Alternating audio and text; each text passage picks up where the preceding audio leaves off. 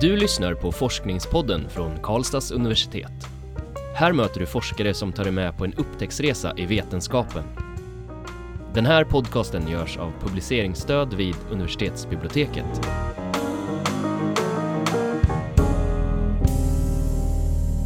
Hej och välkomna, mitt namn är Magnus. Jag heter Nadja. Och idag ska vi prata om forskning i gymnasieskolans yrkesinriktade program, närmare bestämt frisörutbildningen. Och med oss här i studion eh, för att tala om detta så har vi Anna Öhman, doktor i pedagogiskt arbete. Varmt välkommen Anna! Tack så mycket! Din doktorsavhandling heter Återkoppling i interaktion, en studie av klassrumsbaserad bedömning i frisörutbildningen. Kan du börja med att berätta lite vad den handlar om? Den handlar om lärar och elevinteraktioner under pågående undervisning i frisörutbildningen. Ehm, jag har eh, tittat på både nybörjarelever och även elever som är mer avancerade. Och det är ju särskilt då återkopplingspraktiker som jag är intresserad av. Mm. Vad, in, vad innebär återkopplingspraktiker? Återkoppling anses ju vara eh, det mest centrala i det vi kallar formativ bedömning. Det vill säga den typen av bedömning som sker för att främja lärande och som inte är betygssättande men som är en del av lärande. Och återkopplingen det är ju då eh, man eh, tar en utgångspunkt i en bedömning man gör av ett arbete och eh, det kan vara eleven som gör den här bedömningen men ofta eh, tänker man ju på att det är läraren som gör bedömningen och ger då eh, information om hur kan eleven jobba vidare med det här arbetet. Mm.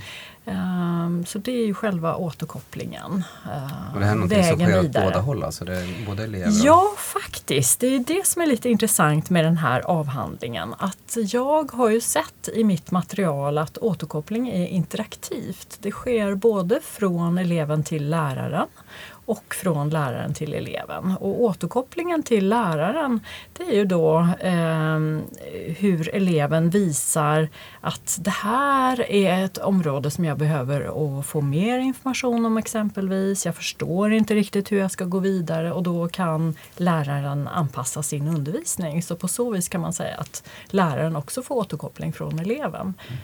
Hur läraren mm. kan instruera vidare. Mm. Mm. Om vi backar lite grann då. Hur, mm. hur, fick du idén? Det är en ganska specifikt eh, forskningsintresse ja, du har. Hur får man det. idén till att göra, skriva en sån avhandling? Ja, jag har ju alltid varit intresserad av bedömning men eh, det har ju varit mest som, som lärare då. Jag är ju lärare i gymnasieskolan i botten och eh, har våndats när det gäller bedömning. Jag tycker det här med bedömning det har varit svårt både för mig och för eleverna. Och det har ju handlat mycket om just det här med att sätta betyg och vara likvärdig i bedömning och så vidare. Så därför har bedömning varit ett stort intresse för min del. Och sen har det ju talats mycket om formativ bedömning senare år. Det finns ju kommuner där man har jobbat mycket med formativ bedömning. Så min inriktning från början... Jag måste bara fråga, vad betyder det? om man Ja, det betyder just istället för att, att um, fokusera på den betygssättande formen av bedömning så är man intresserad av den här bedömningen som är en del av undervisningen som uh, just har till syfte att hjälpa eleven att bli medveten om uh, var eleven befinner sig i sitt lärande och hur eleven kan gå vidare utan att det är betyget som är det främsta. Det är alltså själva mm, arbetet som pågår som är det främsta så eleven har möjlighet att, att jobba konkret utifrån bedömningen då istället för att det är liksom slutet. Så. Mm. Um, och uh, med den utgångspunkten då från det formativa så uh, var mitt intresse att studera hur går det till i klassrum mellan lärare och elev? Kan jag få syn på det här om jag bara går in på vilken lektion som helst uh, och, och tittar på hur de interagerar? Um, så att um, då tyckte jag att i och med att det var yrkesutbildning jag skulle studera så var frisörutbildningen intressant för den är ju väldigt handfast. Det är mm. i handling, man arbetar med konkreta arbeten. Jag själv är inte frisör så jag har ingen eh, förutförståelse av det eh, och det är ju inte det jag tittar på heller. Jag tittar ju på återkopplingspraktiken. Mm. Men det var en intressant miljö och man kan säga frisörutbildningen är ju också ett de har intressanta klassrum. De ser annorlunda ut deras klassrum där de håller på med sin yrkesutbildning. För det är eh, modelldockor som de jobbar på. Det är, de här eleverna i årskurs 3 de jobbar ju på riktiga kunder. Så det är ganska annorlunda än eh, om man tänker ett klassrum i svenska eller matematik. Mm. Om man, om man ser brett på det, på det här forskningsområdet, är det här någonting som har studerats eh, mer i, i, teoretiska program tidigare eller har det inte studerats överhuvudtaget? Det här för? är väldigt ovanligt. Eh, studier av eh, just den här interaktiva återkopplingspraktiken är, finns det inte många studier av. Och det märker jag också när jag är på konferenser att det är många som funderar men oj, finns det den här typen av resultat? Mm. För det är väldigt mycket statistiska eh, studier och eh, kvantitativa data av stora mängder eh, elevsvar exempelvis. Man har gjort enkäter och så vidare. Mm. Så det här eh, detaljperspektivet på återkoppling, man kan kalla det ett mikroperspektiv, det, det, finns det inte så mycket av. Uh, och just det här som jag tycker är intressant också att ge ett deltagarperspektiv. Mm. Uh, jag, uh, genom att göra detaljerade videoobservationer så får jag ju syn på både hur läraren agerar men också hur eleven agerar och hur de agerar tillsammans. Det här samspelet är ju väldigt intressant. Mm. Och det finns det väldigt lite forskning på. Okej, okay, så om man tänker sig i praktiken, är det du har gjort, alltså hur kom du fram till dina resultat tänker nu? Mm. Är det att du har ställt en videokamera i ett klassrum och så har du sen tittat på materialet eller hur ska man ja, tänka sig din Jag har just gjort videoobservationer men jag har inte ställt någon kamera. Jag har gjort så att jag har följt läraren i lärarens interaktion med elever. För det är ju läraren eh, och eleven som interagerar i återkopplingspraktik. Eh, så det är handkamera jag har använt men min, i min sista datainsamling så använde jag huvudkamera också och då var lärarna mm. så fantastiska att de ställde upp på det och mm. har på sig huvudkamera. Och då kom jag ju, då fick jag ju ett empiriskt material som gick verkligen i detalj för då såg jag ju vad läraren tittade på. På elevens arbete och det är klart ibland vände ju läraren blicken också till eleven men det var verkligen fokus på arbetet. Mm. Och Det var jätteintressant att få sådana detaljer. För det, det saknade jag i min första datainsamling. Då stod jag ju kanske någon meter ifrån och filmade och ibland var ryggen i vägen och så vidare. Så jag fick inte alla de här. För min ingång är ju multimodal. Jag är ju inte bara intresserad av det verbalspråkliga men jag är intresserad av gester, blickar, materialet, hur man står i förhållande till varandra och tystnad. Det här är ju mm. också en del av mm. återkoppling. Uh, mycket av forskningen om återkoppling är ju väldigt logocentrisk som man säger. Alltså det fokuseras mest bara på det verbalspråkliga. Vad man mm. skriver och vad man säger. Men kommunikation är ju mycket mer än det. Hur bakade du in det i dina resultat? Hur kan man se det i boken, i avhandlingen? Det ser man genom att jag har gjort detaljerade transkriptioner och det återger jag också i eh, mina studier. Jag har gjort en sammanläggningsavhandling så eh, den ena består ju av en, en monografi som man kallar det då, det är LIS-uppsatsen och där finns det då exempel på transkriptioner eh, som jag analyserar. Och där ser man hur eh, eh kroppsrörelser används i förhållande till det som sägs. Då. Eh, och sen är det här allt mer förfinat då i eh, två artiklar som också finns i avhandlingen mm. där eh, jag gör analyser utifrån en metod som heter samtalsanalys. Mm. Och då är det ännu mer detaljerat. Då är, kan det vara så att till och med antal sekunder som eh, lärare och elever tysta räknas. Okay. Ja. Och det har betydelse här för just den här tystnaden kan jag visa genom eh, den, de här artiklarna att tystnaden har betydelse för att ge eleven tillträde för att få tillgång att komma med en fråga eller visa någonting på arbetet. Mm. Eh, som är av betydelse just för um, återkoppling och bedömningspraktik. Då. Intressant. Ofta kan man tänka sig att tystnaden det, det har, har, inget utrymme så att säga. Det fylls inte med någonting men här är det en, en väldigt viktig faktor. Så den tystnaden ger förutsättningar för en eleverna att ta plats? En förutsättning faktiskt för ja. eleverna att ta plats. Ja. Mm, intressant. Och inflytande. Det, det, låter ju väldigt komplext, det måste varit väldigt tidskrävande att bearbeta ja. materialet på det här sättet. det är det verkligen. Ja.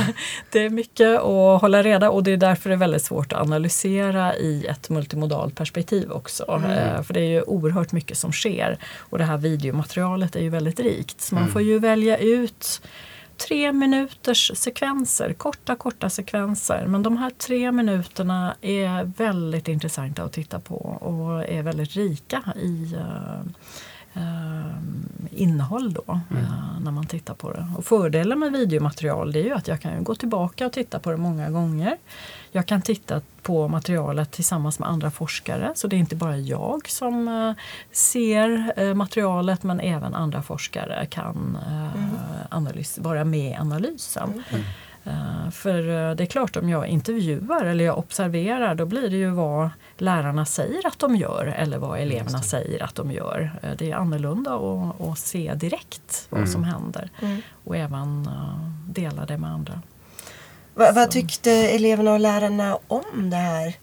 Att ha med kamera och de, alltså i början, eh, det intressanta med videoobservationer det är ju att de vänjer sig väldigt fort vid okay. kameran. Det gör de. Sen är det ju alltid så att det är vissa elever som från början har sagt ifrån att de vill inte vara med i den här studien av olika anledningar. Men jag hade tillräckligt antal, eh, antal elever som var med och lärarna tyckte det här var kul. De skojade lite grann också och skämtade med den här huvudkameran om det kom in någon i klassrummet. ja, vi håller på med ett projekt och sådär. Mm.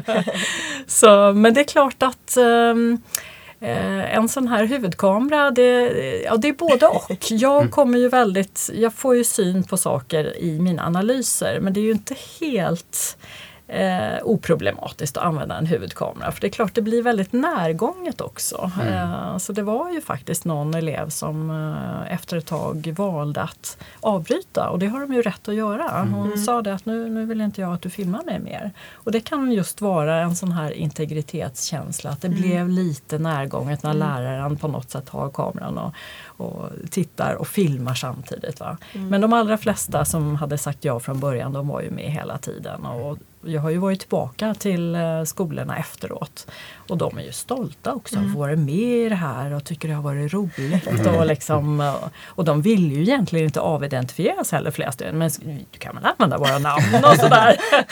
men jag sa det, det ligger i vår forskningspolicy att vi avidentifierar. Och så, mm. så ja, hur, hur, många elever och lärare är det som ingår i studien? Det har varit eh, eh 16 eh, elever i den sista eh, datainsamlingen och fyra lärare. Och i den första datainsamlingen där hade jag åtta elever och två lärare. Mm. Så det är... Och de här eleverna, är de nya eller har de, ja, då, de nästan färdiga? Eller hur? De, första datainsamlingen då var det årskurs tre, så de var avancerade och de hade riktiga kunder mm. och tog emot då i salong som det heter. Mm. Då har de som en frisersalong.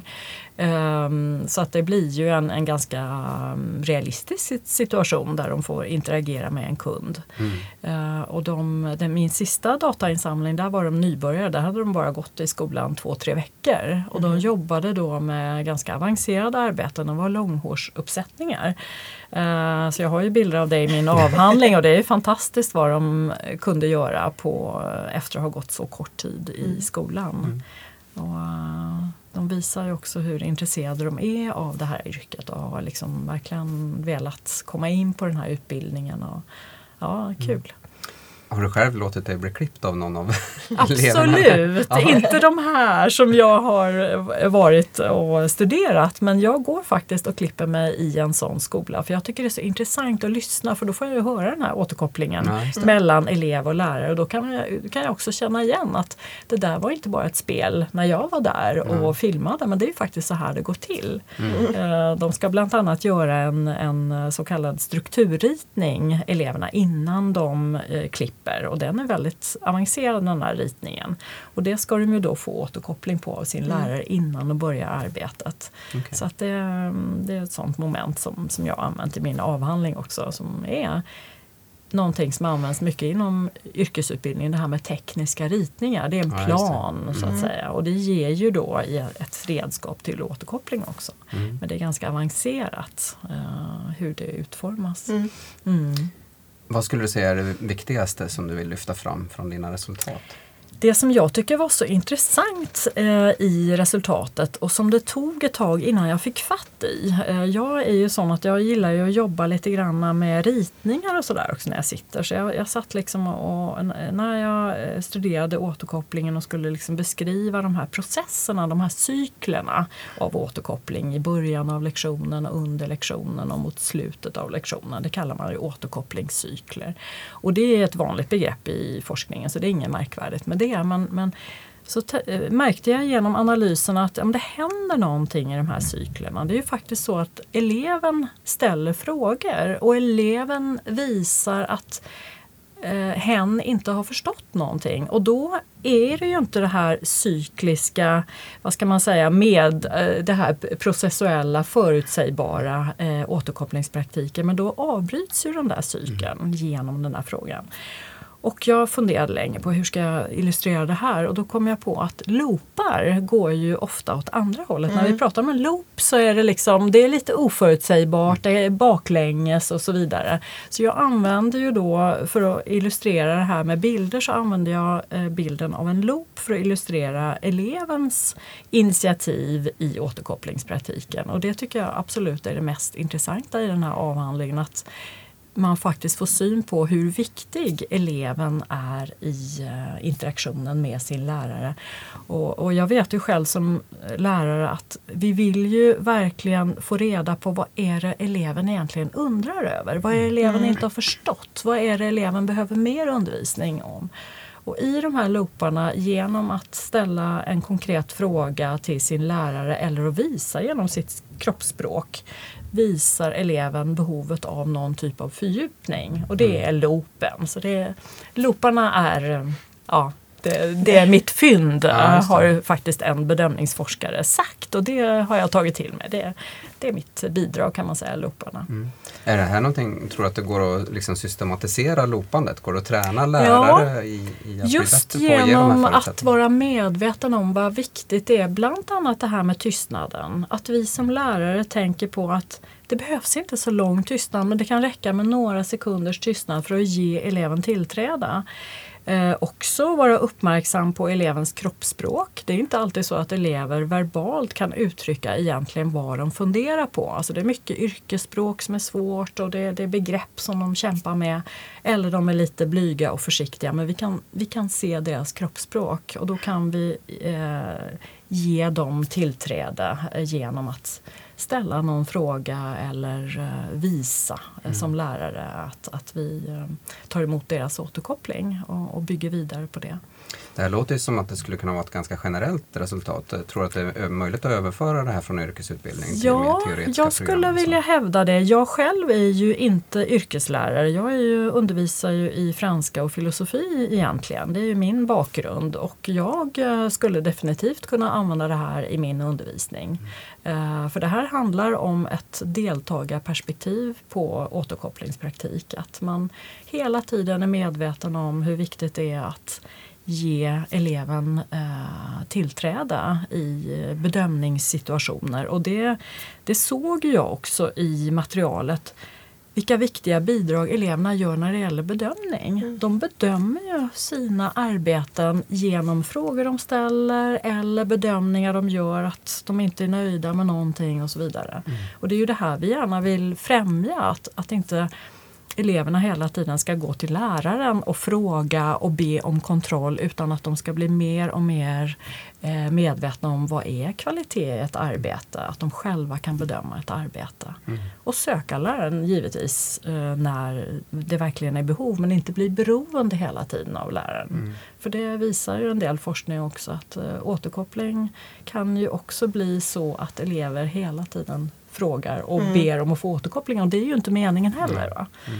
Så det, jag tycker absolut alla, allt som har med utbildning att göra, där bedriver man ju återkoppling. Mm. Vare sig man vill Mm, eller mm. inte. Och man ska ju också vara medveten om att återkoppling kan upplevas väldigt negativt om den ges fel. Det. Eh, det finns det ju också studier som gör Mm. om man på något sätt visar att det är eleven som person man bedömer och inte det pågående arbetet. Mm. Och det tycker jag är styrkan här, att det, fokus riktas mot det pågående arbetet. Och då mm, ger man också eleven möjlighet att delta. Mm. Mm. Vem hoppas du kommer att läsa din avhandling?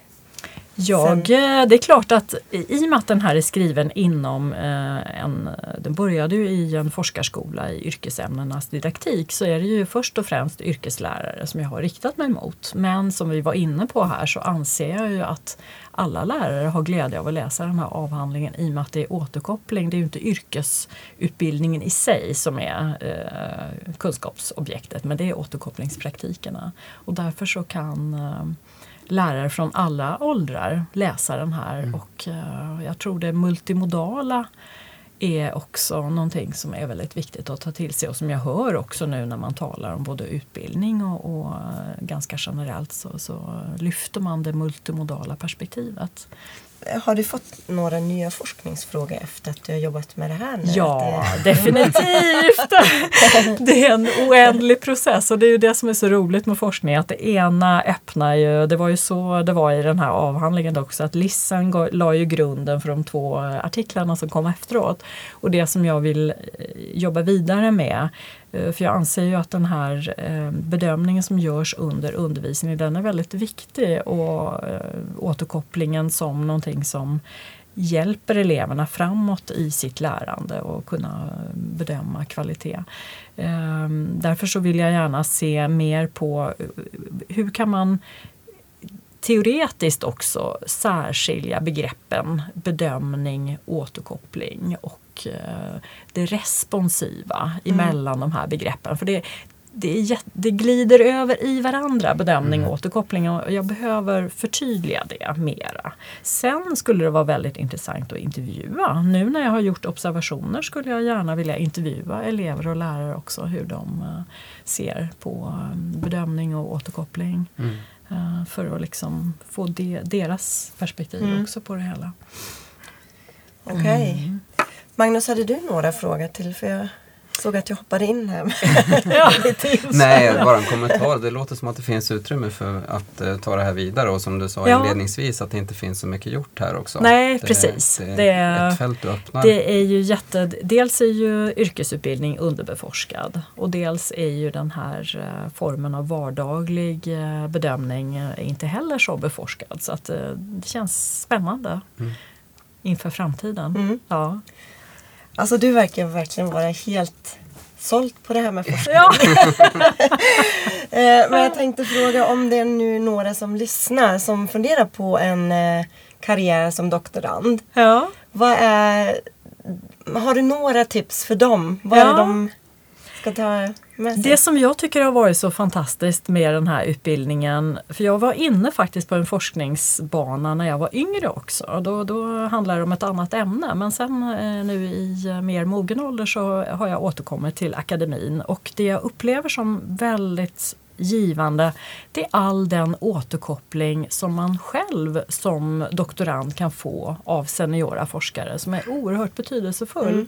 Jag tycker det är fantastiskt, men jag tänker på de här fem åren nu, vad många tillfällen jag har fått möta forskare som har visat intresse för min studie, också givit mig eh, eh, konstruktiv kritik, vad som behöver förbättras. Så det skulle jag vilja råda eh, andra doktorander och de som tänker på det. Det är mycket att lära av de som eh, finns i akademin och som är engagerade och gärna bjuder på, på sina kunskaper. Det var roligt att höra. Ja. Det är jättebra. Ja. Eh, supervarmt tack Anna att du kom hit idag och gästade oss på Forskningspodden. Och lycka till med det fortsatta arbetet. Det verkar vara mycket som kommer hända framgent. Tack Och- för att jag fick komma. Får jag säga. Ja. Och tack också till er som har lyssnat. Ehm, ni är välkomna till nästa avsnitt som kommer ske om några veckor. Du har lyssnat på Forskningspodden från Karlstads universitet. Den här podcasten görs av publiceringsstöd vid universitetsbiblioteket. Alla avsnitt hittar du på kau.se forskningspodden.